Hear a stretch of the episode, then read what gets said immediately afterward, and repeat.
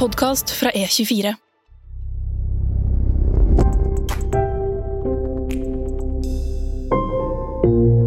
Ukens gjest begynte karrieren i advokatbransjen, hvor han bl.a. hadde Kjell Inge Røkkes industrigigant Aker som kunde.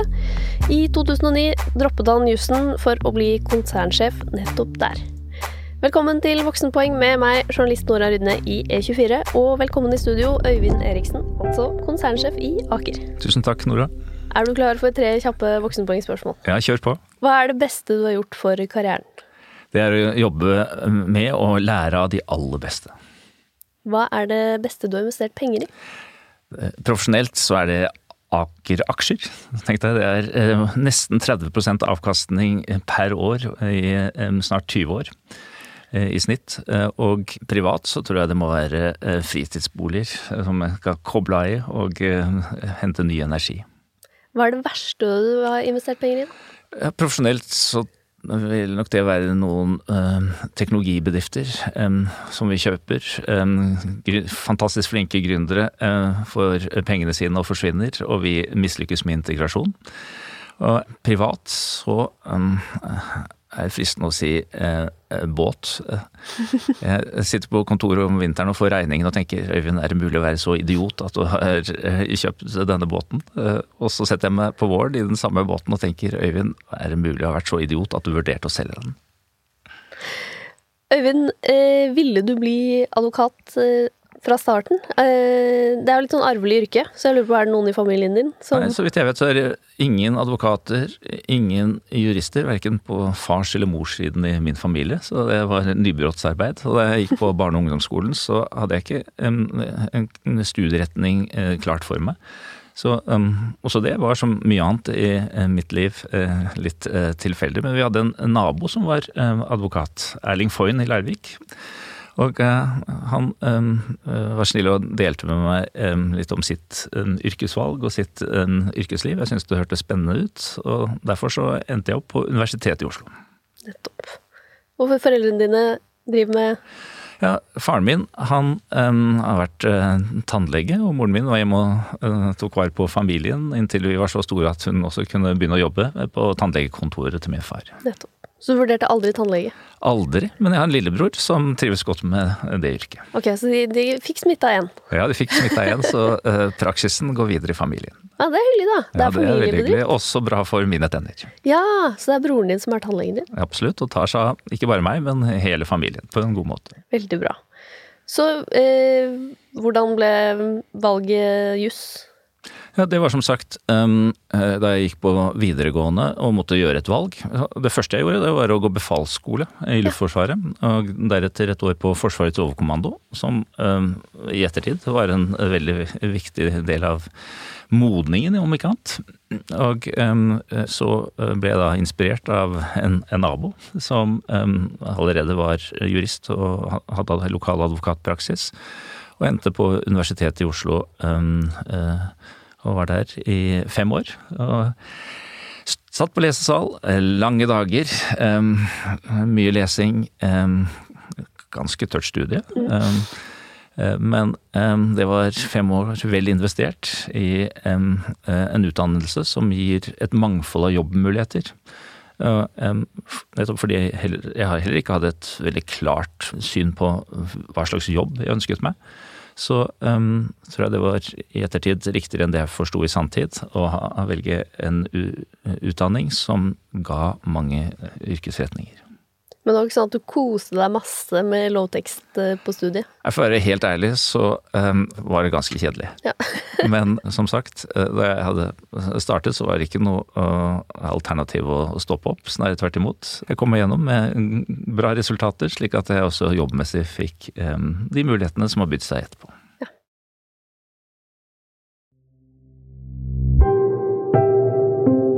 Og så fikk du altså jobb i bar. Hvordan Når begynte du der? Ja, det er altså en tilfeldighet i mitt liv. Jeg tror det må ha vært i sommeren 1987 hvor min lillebror Jon ble norgesmester i optimistjolleseiling i Sandefjord. Yes. Og jeg sto på premieutdeling som stolt storebror og kom i snakk med en kar som sto ved siden av meg som viste seg å være eh, Tim Skeie, eh, ansvarlig for rekruttering i bar, men det visste jeg ikke eh, da han to, begynte å snakke med meg. Flaks. Så han spurte eh, hva er det du driver med? Jeg sa jeg studerer juss. Og sa han hva slags karakterer har du fått? Det er veldig viktig for advokater, eller i hvert fall og jurister, så jeg har svart på det. Og eh, neste tredje spørsmål var vil du ha sommerjobb hos oss? Og um, jeg syntes det var stas, og takket ja der og da. Um, men på den tiden så hadde Arne Treholt-saken dominert nyhetsbildet. Uh, og Treholt var i en periode um, forsvart av advokatfirmaet Arntzen Undland. Så jeg eh, trodde jeg hadde fått sommerjobb i Arntzen Undland, inntil jeg fikk eh, bekreftelse på sommerjobben i posten noen uker etterpå, og eh, forsto at det var Bugge, Arens Hansen og Rasmussen, som var det opprinnelige navnet til Bar, som eh, hadde gitt meg muligheten. Så det var også en tilfeldighet for at jeg ble rendyrket forretningsadvokat, og ikke generalist i et annet firma. Nettopp. Men ble du skuffa, skuffa da? Du, var du egentlig litt sånn gira på å jobbe med Treholt, og det er stas og kjent firma? Nei, jeg ble ikke skuffet, for jeg visste jo at um, Bar var kanskje Norges aller mest spennende og beste advokatfirma. Uh, og jeg visste jo også at um, den kommersielle delen av jussen uh, var det som uh, lå mitt talent nærmest. Um, så kombinasjon av at det var, og er et fantastisk firma, og eh, de mulighetene som jeg fikk til å jobbe med lærerike og spennende oppgaver allerede sommeren 1988, gjorde at jeg aldri så meg tilbake. Ja, så du fant deg sjæl i forretningsadvokatyrket? Ja, Absolutt. Og um, det er jo også et paradoks at den aller første um, saken uh, oppdragsgiveren jeg hadde uh, som sommerstudent i uh, juni 88, det var for Aker. Ja. Aker var i den perioden utbygger av Aker Brygge. Og det var mange i bar som jobbet med dette svære prosjektet. Og de trengte en, en student til å um, ta vare på og følge opp uh, jussen knyttet til leilighetene og kjelleren på Aker Brygge uh, den sommeren. Så jeg løp rundt i hælene på mer erfarne kolleger og håndterte kontraktspørsmål og offentlige rettsspørsmål, uh, fradelingsspørsmål, reguleringsspørsmål knyttet til Aker Brygge, byggetrinn to. Og det var min inngang både til um, jobbverden, eh, til advokatverden eh, og til Aker. Og du ble jo da etter hvert partner i Bar? Ja, jeg ble det ganske raskt. Og etter hvert så fikk jeg um, tilliten som styreleder i Bar. Så jeg fikk også min første ledererfaring der.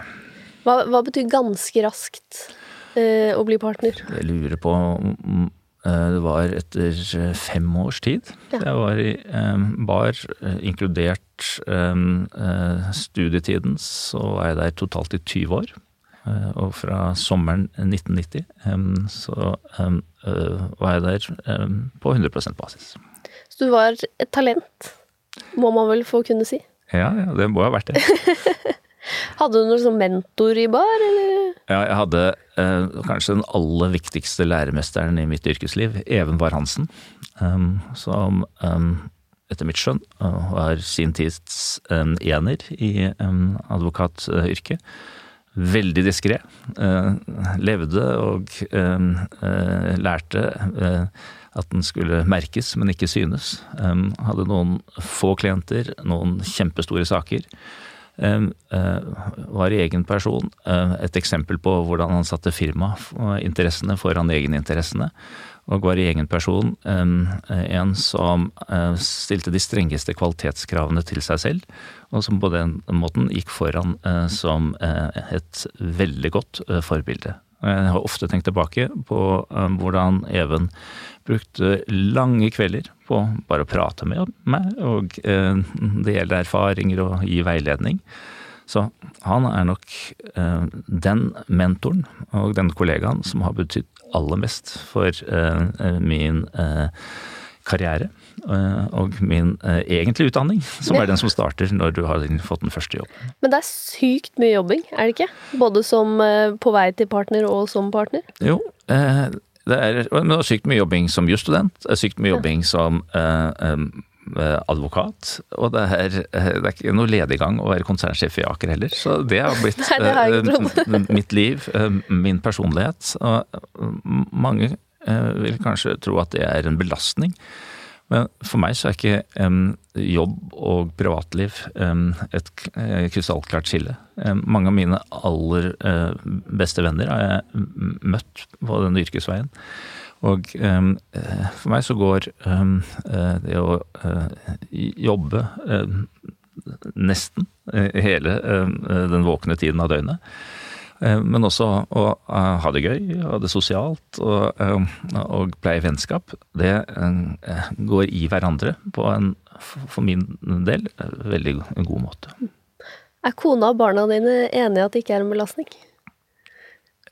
Det må du nesten spørre dem om. Men de har aldri beklaget seg over det. Ja, Du har ikke fått noen klager, nei? Nei, og det er alltid omkostninger med det, det du velger.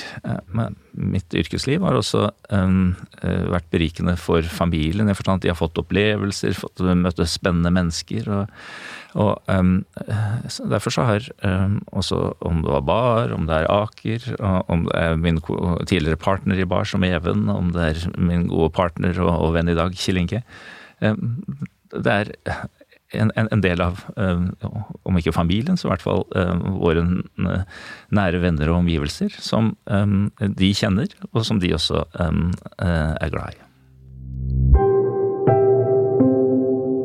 Vi har en spalte her i podkasten, Tabbespalta. Eh, hva er den største tabben du har gjort i karrieren? Oi. Hvis en skal velge en eh, tabbe eller feil som jeg har gjort som det også går an å lære av for de fleste. Så det dreier seg om eh, eh, viktigheten av å lytte mer enn du snakker i forhandlinger. Ok. Veldig mange, meg selv inklusiv i, i tidligere år, um, lever i den tro at forhandlinger er å nedkjempe hverandre med argumenter. Men du, uh, den beste måten å lykkes i forhandlinger på, etter min erfaring, er å lytte nøye til motparten, eh, forstå resonnementene og lete etter løsningene. Så de gangene jeg har eh, lyttet mer enn jeg har snakket i forhandlinger, så tror jeg jeg har fått de beste eh, resultatene. Men det fins på min vei også eksempler på at jeg ble så ivrig og så overbevist om mine egne argumenter at det ble mer en mannjevning. Og det gjør det vanskeligere å finne de gode kompromissene og de gode løsningene. Ok. Har du et eksempel der på en avtale som gikk i dass? Eh, ja, men eh, da vil jeg stille eh, klienten eller bedriften i forlegenhet, så jeg tror vi holder oss på det generelle. Å ja. Den andre i forlegenhet? Eller Nei, også de jeg representerte ja, som ikke fikk det til. Så det er en, den generelle lærdommen som kanskje har størst verdi, også for de som hører på dette. Får du kjeft av klienten da, hvis du driter deg ut som advokat og snakker ja, for mye? Nå har jeg aldri fått, eh, så vidt jeg kan erindre, eh, kjeft av klientene, men eh, hvis du driter deg ut, så fortjener du det. Så det ja. kan sikkert skje.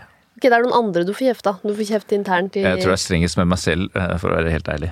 Hvordan eh, skjedde det egentlig at du endte i Aker? Sånn jeg har skjønt, så har du jo da gjennom hele advokattiden jobbet veldig mye med forskjellige Aker-selskaper.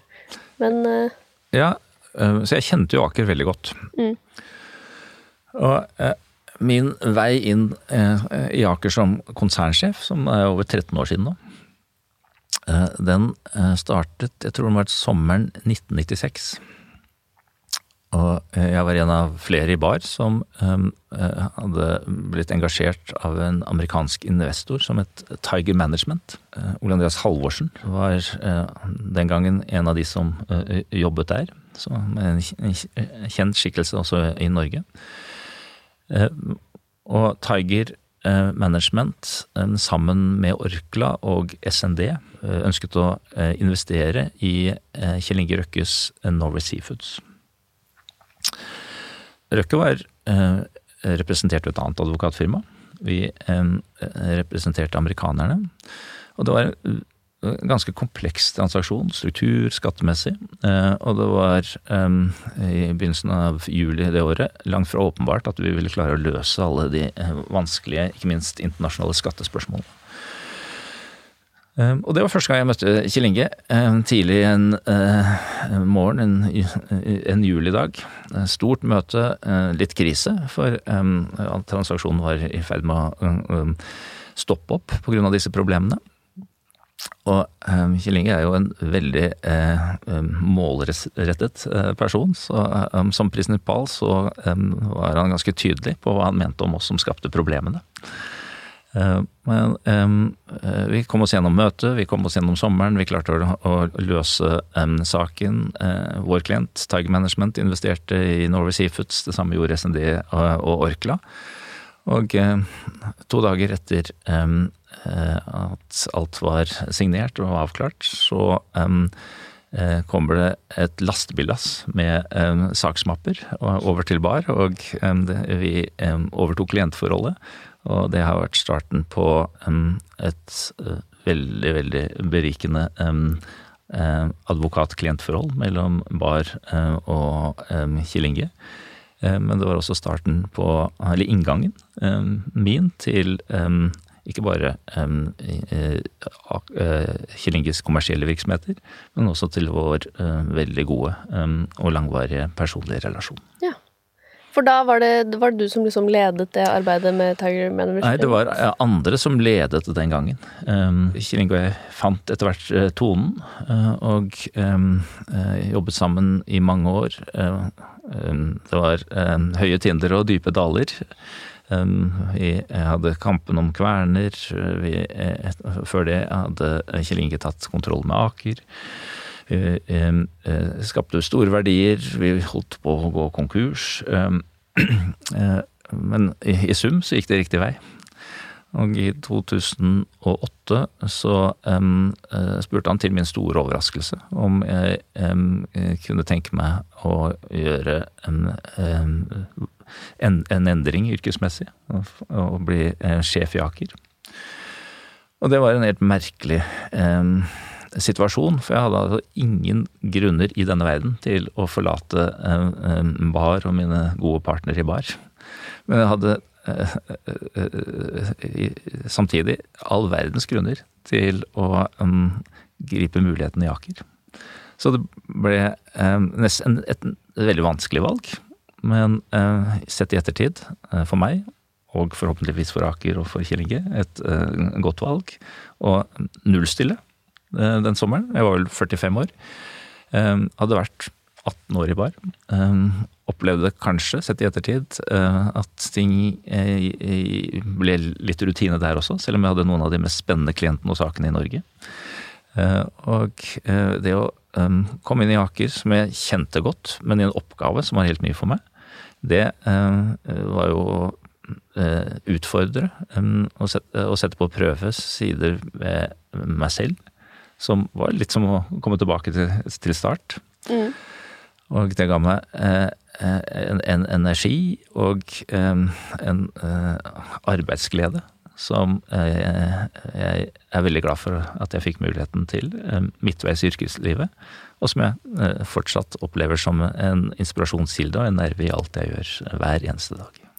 Men Var det sånn at den måtte overtale deg? Måtte du tenke deg om lenge? Eller var det, var det sånn som da du ble tilbudt eh, sommerjobb på kaia, at det var bare ja med en gang? det var nok mer at jeg måtte overtale meg selv. Ja.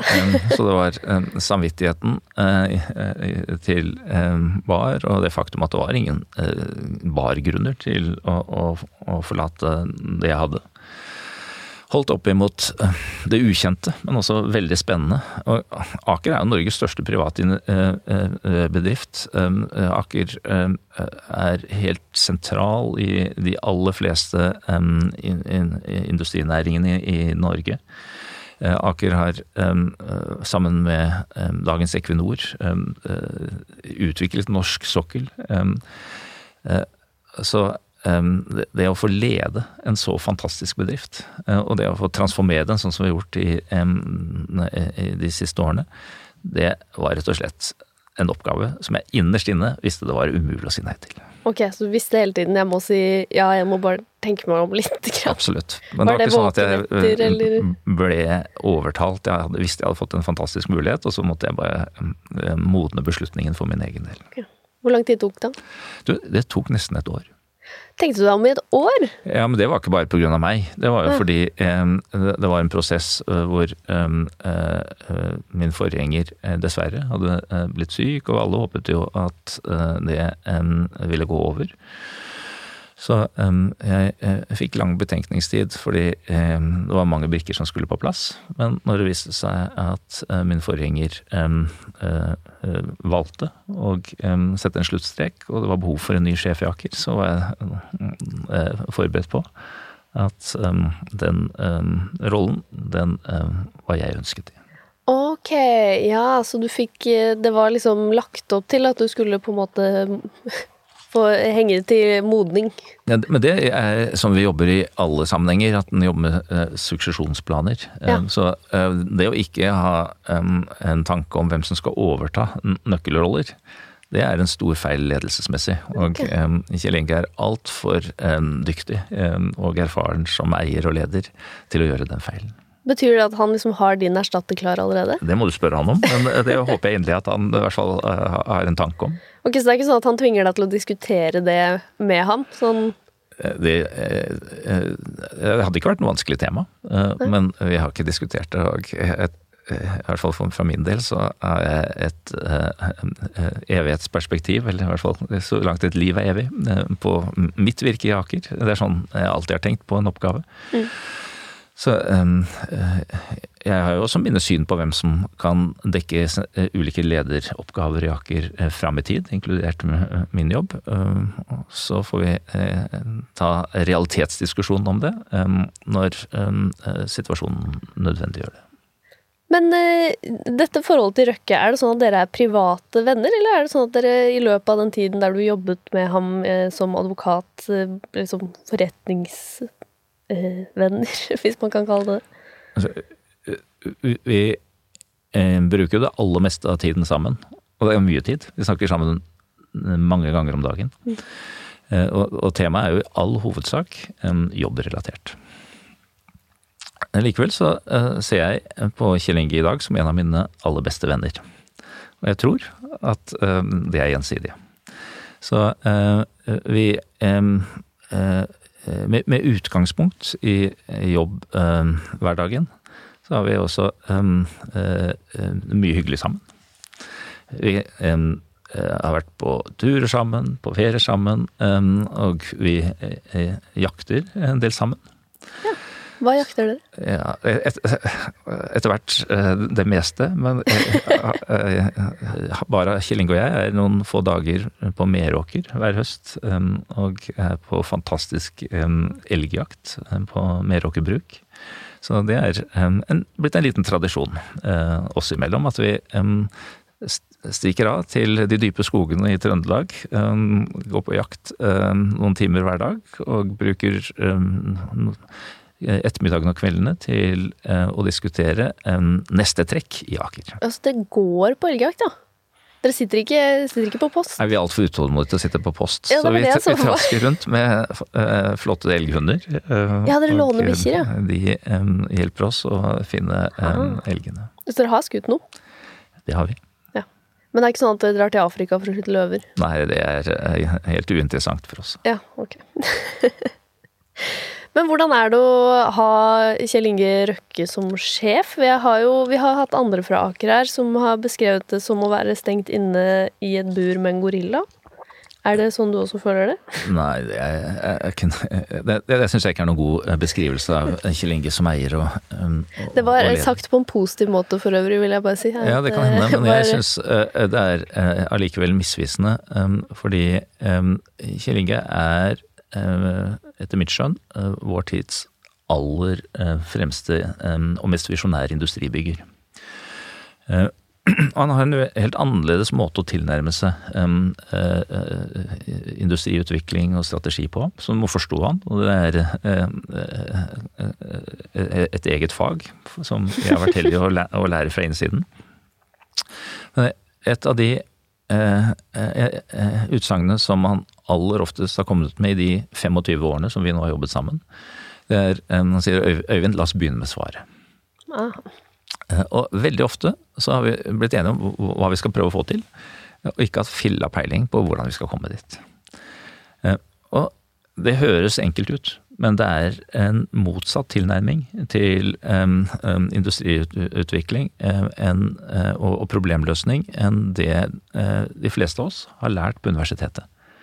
For um, på universitetet så lærer du um, nesten uavhengig av fag en metode for problemløsning. Og da um, er det veldig ofte at du starter en uh, analyse, en resonnementsprosess, som gir deg svaret. Uh, men gründerens uh, nådegave er i hvert fall i dette tilfellet å begynne i motsatt ende. Og si at vi skal en dag lykkes med å overta Lundin Energy som et eksempel. Og det har vært uh, mange samtaler opp om, om årene. Det har vært mange gode grunner til å gjøre det. Men det har ikke vært um, uh, en åpning for det, fordi eieren av Lundin um, hadde andre prioriteter. Men uh, når du har satt deg et mål, og kan bruke resten av den kreativiteten og dyktigheten på å finne ut av hvordan du skal komme deg så har vi gang på gang vist at det er faktisk lettere å få til noe hvis du startet med svaret. Så um, det er ett av mange eksempler på at vi utfyller hverandre. Um, og uh, det er uh, dynamikken som um, begynner med svaret, og som gir uh, Mange vil oppfatte at det er en, litt sånn uforutsigbar, kanskje litt kaotisk prosess for å finne veien dit. Men um, nettopp den friheten for tanken um, og um, eh, eh, grunnholdningen, at den aldri gir seg, det har eh, betydd mye for Aker. Og det har skapt store verdier i Aker. Mm. Jeg har hørt at det er en veldig inspirerende leder å jobbe med. Men også at det kan være ganske skummelt hvis man gjør noe feil. Nei, det er ikke. Eh, eller eh, at det, det, er intenst når man skal liksom jobbe med å få til noe. Hvordan Altså, skjer det at dere er uenige? Eh, Kjell Inge og jeg har, um, mange vil si merkelig nok, aldri um, krangla. Hmm. Men det betyr ikke at vi alltid har vært enige. Vi har uh, en gjensidig respekt som gjør at um, ulike standpunkter er utgangspunkt for diskusjoner. Vi har også gjort ting som uh, vi ikke nødvendigvis uh, har uh, vært like begeistret for, begge to. Men hvor vi har respekt for at den ene er overbevist om at det er riktig for Aker. Og da er det av og til sånn at en innretter seg etter det, og gir det en mulighet. Nettopp. Ok, så dere er ikke mye uenige? Nei, men hadde, vi, er ikke uenige i den forstand at vi uh, krangler, men vi er uh, uenige i den forstand at vi har et ulikt utgangspunkt, ulikt syn på ting, um, ulike vurderinger av ting. Uh, hadde vi vært enige hele tiden, så hadde vi aldri fått til det som vi har fått til i Aker. Så du har liksom, han stoler på deg hvis, hvis, du har et annet syn? Det kan hende at du slår gjennom da med ja, ja. Det er ikke eh, du, du, kan ikke være konsernsjef i Aker med eh, Kjell Inge Røkke som to tredjedelseier, hvis ikke han stoler på deg. Nei, nettopp.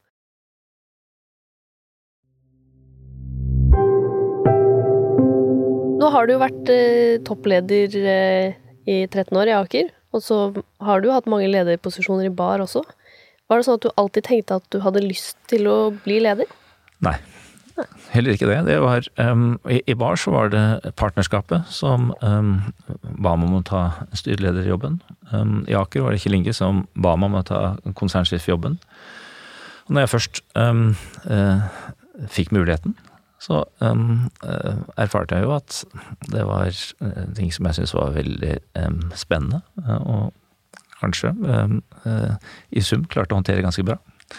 Så um, det var altså en, en, naturlig og, og litt um, vilkårlig del av min karriere. Ja. Men du likte det? Veldig godt. Hva er det du liker med å være leder? Ja, som leder så må du um, håndtere um, en organisasjon, du må være flink med folk. Um, uh, uh, jeg, var jo leder av et partnerskap uh, i BAR. Så, eh, og eh, jeg Sett i ettertid så tror jeg det var den beste ledererfaringen jeg kunne ha for i dag å lede Aker. Aker har jo 180 år vært et industrikonsern i store deler av den perioden. Organisert og drevet som et industrikonsern. Ganske hierarkisk. Og den type um, tradisjonelle hierarkiske strukturer passer ikke i det hele tatt. For en som har partnerskaps-DNA som sin tilnærming. Så med meg som leder av Aker, så jobber vi mye mer som, som et partnerskap i et advokatfirma, i et konsulentfirma, i et revisjonsfirma. Hvor det typiske er at vi Det er lagarbeid, det er fokus på oppgaven mer enn rollen og arbeidsprosessene.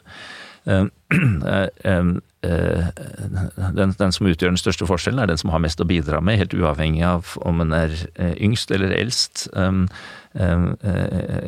eller har den ene eller andre tittelen. Og det fungerer i et relativt lite arbeidsfellesskap, som Aker ASA, som er toppselskapet. Eh, men eh, samarbeidspartnerskapsmekanismene gir også et veldig godt utgangspunkt eh, for dialogen mellom Aker og de industriselskapene som Aker eier. Som har sine egne ledere, som har sine egne styrer. Og hvor de forholder seg til Aker som eier, men også som en partner i vid forstand. Når det kommer til de store strategiske valgene og den langsiktige utviklingen av bedriftene. Så eh, Aker har endret seg etter at du kom inn? Det har blitt mindre hierarkisk? Ja. Hvordan fikk du til det? Var det bare eh, blide miner da det skjedde? Jeg startet jo um, i, i, i, januar 2009, og da var det finanskrise. Mm. Uh, og um, det var en finanskrise som um, også preget situasjonen i Aker. Så uh, vi hadde behov for å gjøre en endring av strukturen. Så det var ikke bare jeg som uh, var, var, ny den gangen. Kjell Inge ble også styreleder i Aker, samtidig som jeg ble eh, konsernsjef. Så vi kom inn som parhester, og vi har um, siden det vært parhester, og vi kommer til å fortsette som parhester. Uh, og uh, Derfor så var en del av dialogen oss imellom 2008 det var hvordan vi, vi som parhester skulle um, organisere og drive Aker. Og Da var vi enige om at den strukturen som vi hadde tro på, som vi um, hadde størst forutsetninger for å lykkes med, det var å gjøre Aker ASA, toppselskapet, til uh, et industrielt investeringsselskap. En aktiv eier. Og med en portefølje av industriselskaper hvor Aker ASA er hovedeier, aktiv eier, men hvor industriselskapet, Aker BP, Aker Horizons, Aker Solutions, Cognite, Aker Bymarine, bare for å nevne noen ganske få, Eh, de er selvstendige virksomheter med egen eh, ledelse, med eget styre, med egen finansiering. Så de drives på egne ben. Og de forholder seg til Aker som ikke bare den største eieren, men en aktiv eier og en kompetent eier.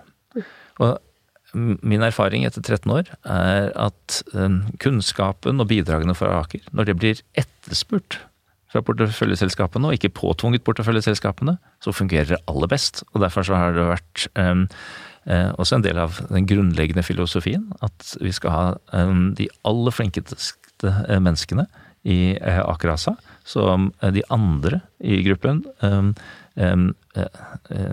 naturlig søker til og sparer med. Har du svake sider som leder, da? Jeg lurer på Det har jeg helt sikkert. Eh, men kanskje er det som eh, kan nevnes som sterke sider, også eh, for noen svake sider. Altså, lagarbeid, partnerskapstilnærmingen. Folk som fungerer bedre i et hierarki, kan oppfatte at ansvar og roller blir litt mer utydelige med den tilnærmingen. Jeg er jeg tror jeg er ekstremt utålmodig. Um, og det fører jo til at uh, ting um, skjer. Men um, noen vil jo synes at det er slitsomt. Jeg har jo Jeg nevnte Even Var Hansen, som i egen person satte standarden på både innsats og kvalitet. Jeg prøver i hvert fall å følge hans gode eksempel. Mm. Og det betyr jo at noen kanskje oppfatter at jeg av og til er litt streng. Men det er nå sånn jeg er, da. Så uh, fører jo til over tid at de som um, inspireres av det, og de som uh, forstår det, uh, og de som um, tror på det, det er de som fungerer på laget, og som forsterker både mekanismene og lederskapet. Jeg kan liksom ikke, når du sitter her nå, se for meg at du er en sånn fyr som roper og slår i bordet på møter, men Nei, det har jeg aldri gjort. Ok, Så du er utålmodig og streng på en annen måte? Ja, ja.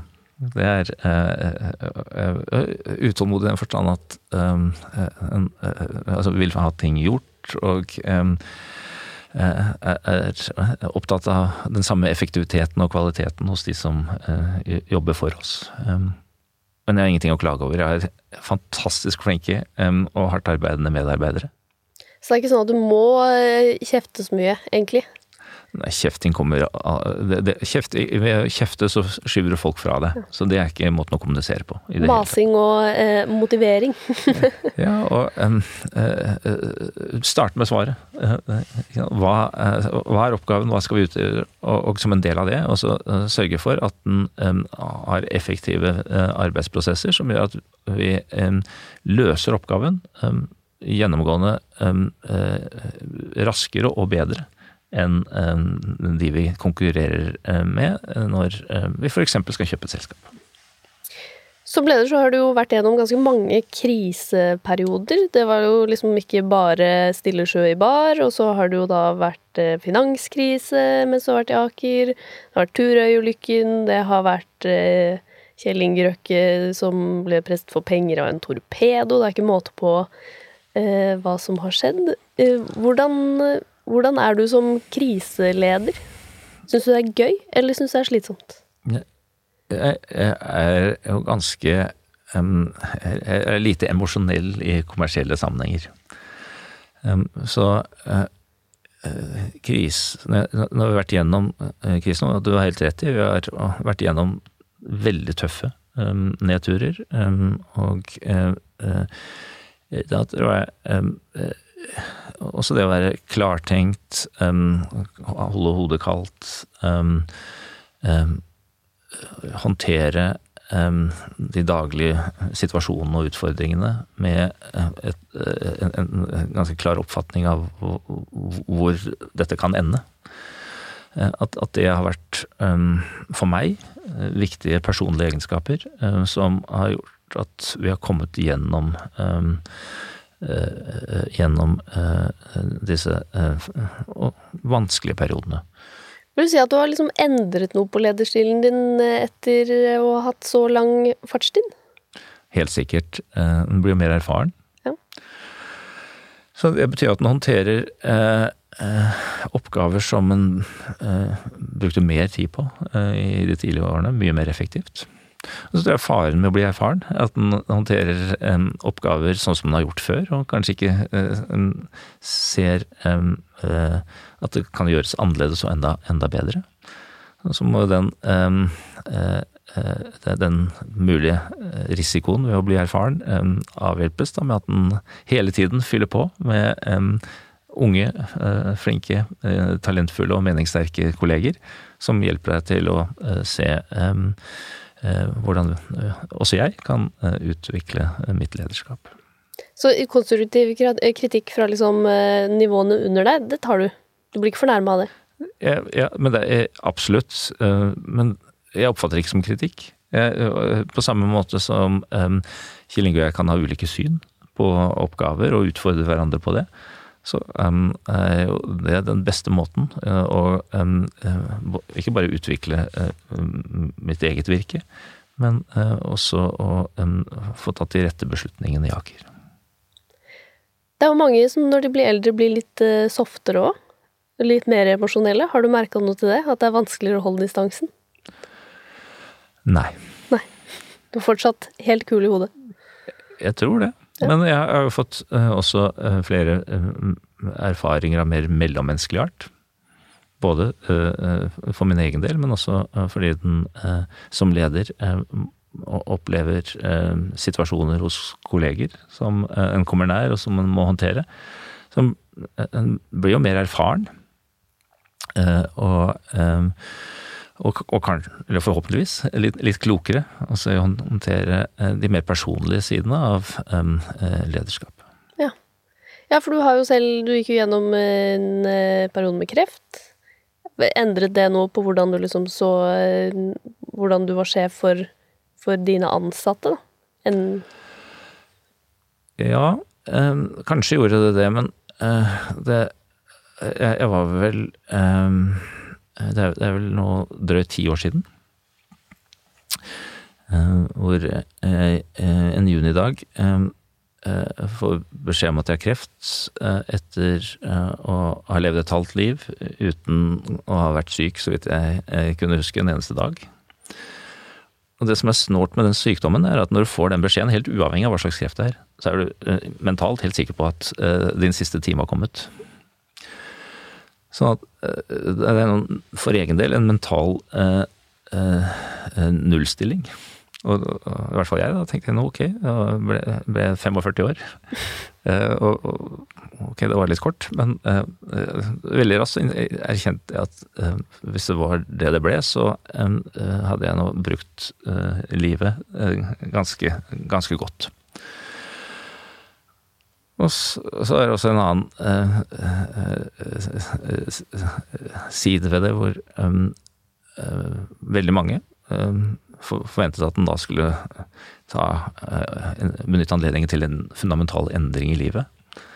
Eh, men for meg så ble det det motsatte. For meg ble det en oppgave å komme så raskt som mulig tilbake til det livet jeg hadde før jeg ble syk. Og, og altså en, en, bare en bekreftelse. Jeg tror ikke jeg trengte det, men det ble en veldig, eh, for meg viktig bekreftelse på at um, for eksempel det å være konsernsjef i Aker, det um, er noe jeg ville tilbake til og, og, og holde på med videre. Så um, både den mentale prosessen som en selv gikk gjennom, men også uh, erfaring med norsk helsevesen Mm. Er eh, eh, to sider av den eh, det, krisen personlig, som jeg tenker tilbake på. og Dette høres crazy ut, men jeg tenker tilbake på det i dag som noe veldig positivt. ok, ja. ja, du ble jo helt frisk. Det jo Jeg ble frisk, og jeg, var, jeg, jeg fikk en eh, kreftform som eh, Hvis en først skulle få sykdommen, en, var heldig å få, eh, med, med veldig gode prognoser. Men det er noe rart med det, da. Eh, Du eh, er nå kreftpasient, eh, og du eh, preges av det. Så det, det var eh, Det var virkelig en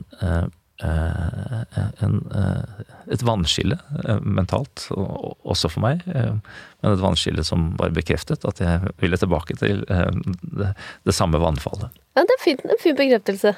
Du skulle liksom ikke begynne å hoppe i fallskjerm og eh, bli frittstående konsulent. Nei, men jeg, jeg, jeg, jeg har jo uh, inspirert av min egen erfaring, så har jeg da vært til å bli nestleder i Kreftforeningens styre. Ja, for du tenkte etter at du fikk kreft det jeg vil, er å jobbe mer. Nei, ja, ikke nødvendig, ja, jeg vet ikke det var ikke realistisk å jobbe mer, men jeg ville øh, selvfølgelig gi også noe tilbake. Ja. Så det første um, som skjedde, det var at jeg sammen med um, Arthur Buchardt, um, Jan Vincent Johansen, Sylvia Brustad og andre flinke uh, mennesker um, jobbet for å reise et nytt radiumhospital. Mm. Det fikk vi til. Eh, så, og de som kjører forbi eh, Radiumhospitalet, vil jo nå si at det reises og vil åpnes i løpet av noen få år. Fantastisk fagmiljø. Og eh, det å også gi noe tilbake eh, ved å mm, eh, jobbe med og i, i Kreftforeningen, som er en helt fabelaktig organisasjon. Jeg er så imponert over hvordan den drives. Jeg har sagt mange ganger at det- må være en av Norges aller mest veldrevne virksomheter. Og mest kompetente lag. Eh, For meg så um, Det er ikke åpenbart at uh, jeg hadde um, sett viktigheten av at personer som meg um, engasjerer seg også i den type frivillig arbeid, uh, hvis ikke jeg hadde gått gjennom min egen uh, sykdomsperiode. Så du er egentlig ikke så iskald som du kanskje vil fremstå? Nei, jeg, jeg, ønsker jo ikke å fremstå som iskald, men jeg tror jeg av type er ganske rasjonell og i kommersielle sammenhenger mm Eh, eh, lite emosjonell. Og eh, det er ikke så lett å gjøre noe med, da. Men du må kompensere på andre områder. Men dine ansatte kan komme til deg hvis de liksom har noe krise personlig? Absolutt, og det gjør de. De gjør det? Ja. ja. Det må jo være fint som leder. At Absolutt. man har greid å balansere. At man ikke da framstår som en iskald og følelsesløs eh, leder. Ja, og Kjell Inge har, har, også blitt mye mer bevisst um, hvordan vi tar vare på våre ansatte um, utover um, arbeidsoppgaven og den profesjonelle utviklingen. Jeg husker vi hadde en eh, prat for eh, ja, nå er det vel snart ti år siden hvor eh, vi gjorde den erkjennelsen at vi hadde bedre vedlikeholdsavtaler på kopimaskinene enn vi hadde for våre ansatte. Og det var jo starten på at vi etablerte et Vi bestemte oss for at eh, vi skulle investere i et førsteklasses helsetilbud. Eh, og etablerte noe som heter Moloklinikken, som tar veldig godt vare på helsen, primært til våre ansatte, men også der det er behov for eh, familier til ansatte.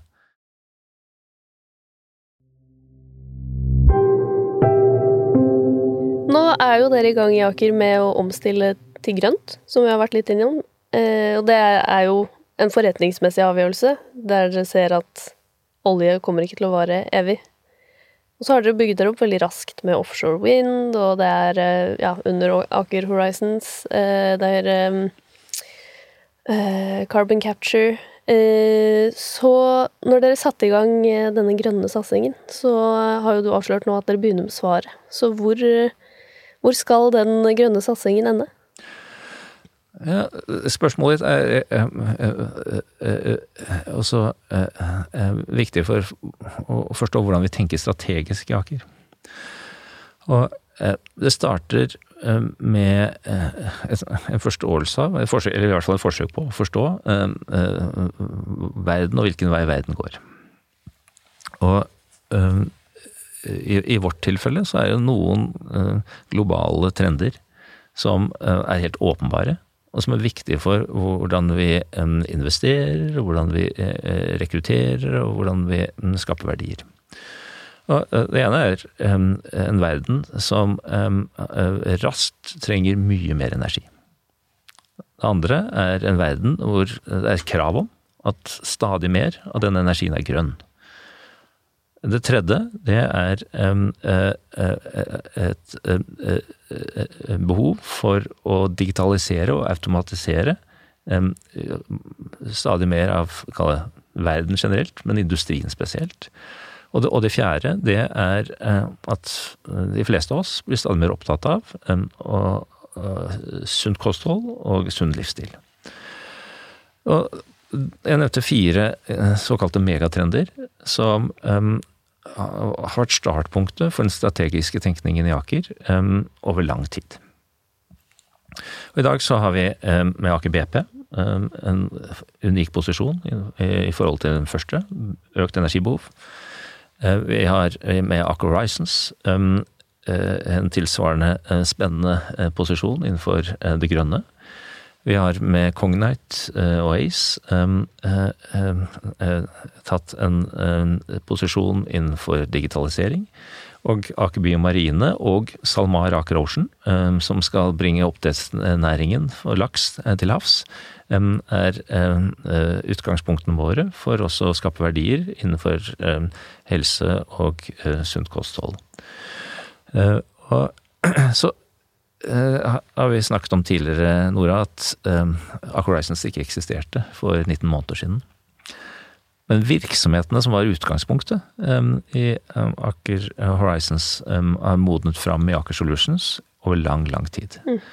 Så både havvind særlig fundamenter for flytende havvind og karbonfangst er teknologier, fagmiljøer som Aksolutions har bygd opp og tatt vare på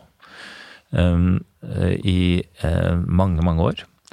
Og så kommer krisen i 2020, som håndteres også av myndigheter i Norge og alle andre land Eh, på ulikt vis, men som en del av krisehåndteringen kom det jo eh, store aktivitetsstimulerende tiltak.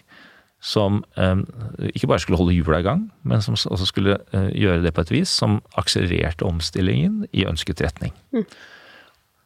Og det førte til at det ble enda mer oppmerksomhet om fornybar energi.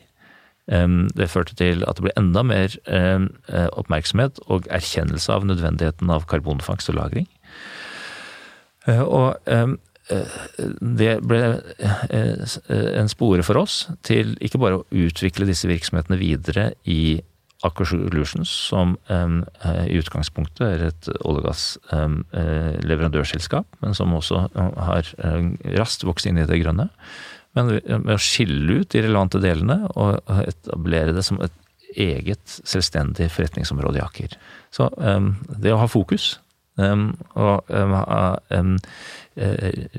organisasjoner i hvert enkelt selskap som har spisskompetanse på det, fram, det vi skal drive med langsiktig, er i, måten Aker har organisert på og Aker driver på, og har vist seg, i hvert fall de siste årene, å være et konkurransefortrinn for oss i forhold til eh, mange av våre kolleger som prøver å gjøre det samme innenfor en etablert eh, struktur og etablerte arbeidsprosesser. Helt til slutt, eh, Øyvind. Hvis du kunne gitt deg selv et råd som 20-åring, hva ville det vært? Ja, la meg ta tre um, stikkord. Mm. Uh, uh, velg um, en utdanning som um, følger din interesse. Er du i tvil, velg en utdanning som gir deg mange ulike jobbmuligheter. Når du er ferdigutdannet og går inn i yrkeslivet, prøv å få muligheten til å jobbe med og lære av de aller beste. Og det tredje, grip muligheten Eh, når den byr seg, og ikke lås deg fast til en, en på forhånd definert karrierevei. Tusen takk for at du kom hit i dag, Øyvind Eriksen, altså konsernsjef i Aker. Tusen takk for at jeg fikk lov å komme. Produsent i dag, det var Sunniva Glessing. Og hvis du f.eks. vil lese skoledagboka til Øyvind, så må du gå og følge oss på Instagram. Der heter vi Voksenpoeng med Nora.